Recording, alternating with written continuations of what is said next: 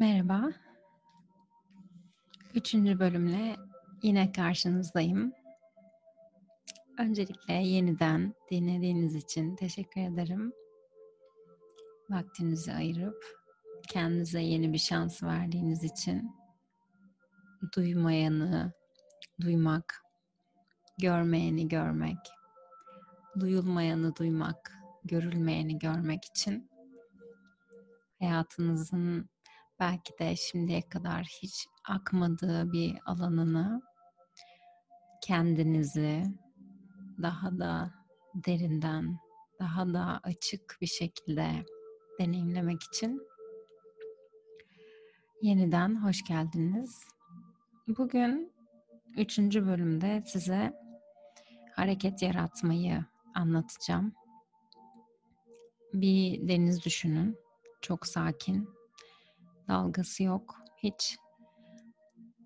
Eğer hayatınızda bazı alanlar böyle stabil, statik, hareketsiz görünüyorsa eğer ya da daha önce o alanlarda dalga yaratmaya çalışıp bir şekilde yere çakıldıysanız dalgalarla surf yaparken dalgaların arasında boğulma tehlikesi yaşadıysanız ve bir şekilde üstesinden gelemediyseniz işte şimdi size bir fırsat hem statik ve stabil alanlarda nasıl dalga yaratırsınız hem de nasıl o dalgalarla surf yapmayı öğrenirsiniz. Birazcık bundan bahsedeceğim size bugün. Um, hayatınızın bir alanını düşünün şimdi. Orada hiçbir hareket yok. Ya da daha önce olmasını istediniz ama olmadı. Ee, daha önce defalarca kez dalga yaratmaya çalıştınız ama bir şekilde tam istediğiniz ne hareketi yaratabildiniz ne de sürdürebildiniz. Ee, şimdi ilk önce sürdürebilir kısmını bir kenara bırakmanızı istiyorum. Sadece o alana bakın. Şu anda o alanı görün. O alanı kabul edin. Ve bu kabul şu anda bize bir kanal açıyor. Aslında şu ana açılan bir kapı gibi düşünün bu kabulü. Çünkü her şey şu anda yaratılıyor şu an bir sonraki anı yaratıyor. Yani şu an eğer biz şu anın içinde bilinçli bir şekilde var olmuyorsak ki her zaman olamayacağızdır. Bu da çok normal. Um, ama kabule geçtiğimiz anda şu anda bir kapı açılıyor gibi düşünebilirsiniz. Sistem bu şekilde işliyor bir dalgasız denizde dalga yaratmak tamamen yüzde yüz sizin elinizde. Çünkü yani bizim elimizde. Çünkü formsuz enerjinin içinde yaşıyoruz. Dolayısıyla istediğimiz formu ona biz verebilme hakkına sahibiz. O kendi kendine de şekil alıyor. Biz de ona şekil verebiliyoruz. Her şey mümkün. Şimdi biz bilinçli bir şekilde hayatımızın o alanına şekil vermeye başlıyoruz. Ve bunu herhangi bir şekli seçerek yapmayacağız. Herhangi bir formu seçerek yapmayacağız. Daha geniş bir alana bakarak kendiliğinden o dalgaların natürel bir şekilde oluşmasına izin vererek yapacağız. Aslında bu yaptığımız bile bir şey değil. Olmadığını siz de yakından deneyimleyip göreceksiniz. Size anlattığım bu bilgiler entelektüel bir şekilde yani zihinsel bir şekilde anlayabileceğiniz şeyler değil.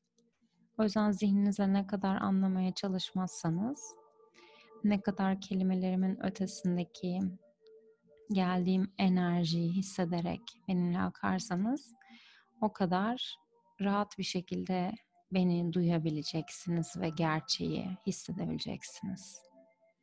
Çünkü entelektüel bir şekilde anlaşılabilir bir şey değil gerçek.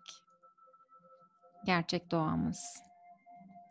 O enerji, sonsuz enerji ancak hissedilebilecek, hissedilerek, deneyimlenerek anlaşılabilecek bir şey. O yüzden bunun bir deneyim olmasına izin verin. Ve zihninizle mümkün mertebe anlamaya çalıştığınızda fark edin ve deneyimlemeye doğru ilerleyin. Düşüncelerimiz gerçek bilgi kaynakları değil. Çünkü düşüncelerin içinde yaşıyoruz ve minik bir beynimiz var. Bu minik beynimize büyük bir beyinden türlü türlü düşünceler akıyor gibi düşünün. Yani bir kaynak var. O kaynaktan sürekli düşünceler yağıyor. Her yer data, her yer okyanus. Daha önce de belirtmiştim. Biz onun içinde yaşıyoruz ve minik beynimizle o düşünceleri hissediyoruz. Düşünceleri bakarsanız eğer düşüncenin geldiği yere doğru ya da düşünceyi hissettiğimiz yere doğru bakarsak eğer bunun bunların sürekli değişen ve güvenilir olmayan ve bizim kontrolümüzde olmayan bilgi kaynakları olduğunu görürüz. Eğer bizim kontrolümüzde olsaydı düşüncelerimizin geldiği yeri ve gelme şekillerini kontrol edebiliyor olurduk. Ama kontrol bizde değil. Yani bir saniye sonra ne düşüneceğimizi, aklımıza ne geleceğini bilmiyoruz. Dolayısıyla orada bir kontrolümüz yok. Düşüncenin geldiği yöne doğru baktığımızda orası sürekli değişen bir kitap gibi doğru bir referans kaynağı değil. O yüzden oraya bakmak da çok mantıklı bir e, seçim olmayacaktır. Bilinçli bir şekilde düşündüğümüzde. Yani düşüncenin geldiği yöne ve kontrolümüzün olmadığı yöne doğru bakmak bizi sürekli farklı modlara sürükleyeceği için ve o modların içinde kaybolmamıza sebep olacağı için ve kontrolümüz de orada olmadığı için sürekli farklı histen hisse koşmamıza sebep olan bir bilgi kaynağı. Yani güvenilir bir bilgi kaynağı değil. Peki düşünceye bakmayacaksak ne tarafa doğru bakacağız? Bu anlayışı ilk gören insan Sydney Banks şu şekilde anlatıyor. Düşüncenin olmadığı tarafa doğru bakın. Düşüncenin gelmediği tarafa doğru bakın. Düşünceleri tamamen görmezden gelin bütün fiziksel realiteyi görmezden gelin ve diğer tarafa doğru bakın. Peki o taraf ne taraf diyebilirsiniz şu anda? O taraf metaforik olarak içe doğru bakın diyebilirim size. Yani iç diye bir yer yok ama metafor olarak yani gözünüzde somut bir şekilde canlanması açısından daha anlayışınızı yardım etmesi için içe doğru bakın. Dışa doğru değil de içe doğru bakın. Ya da bakmayı bilmediğiniz yöne doğru bakın. Ya da düşüncenin ötesine ya da öncesine doğru bakın. Ya da düşüncenin tam tersi yöne bakın.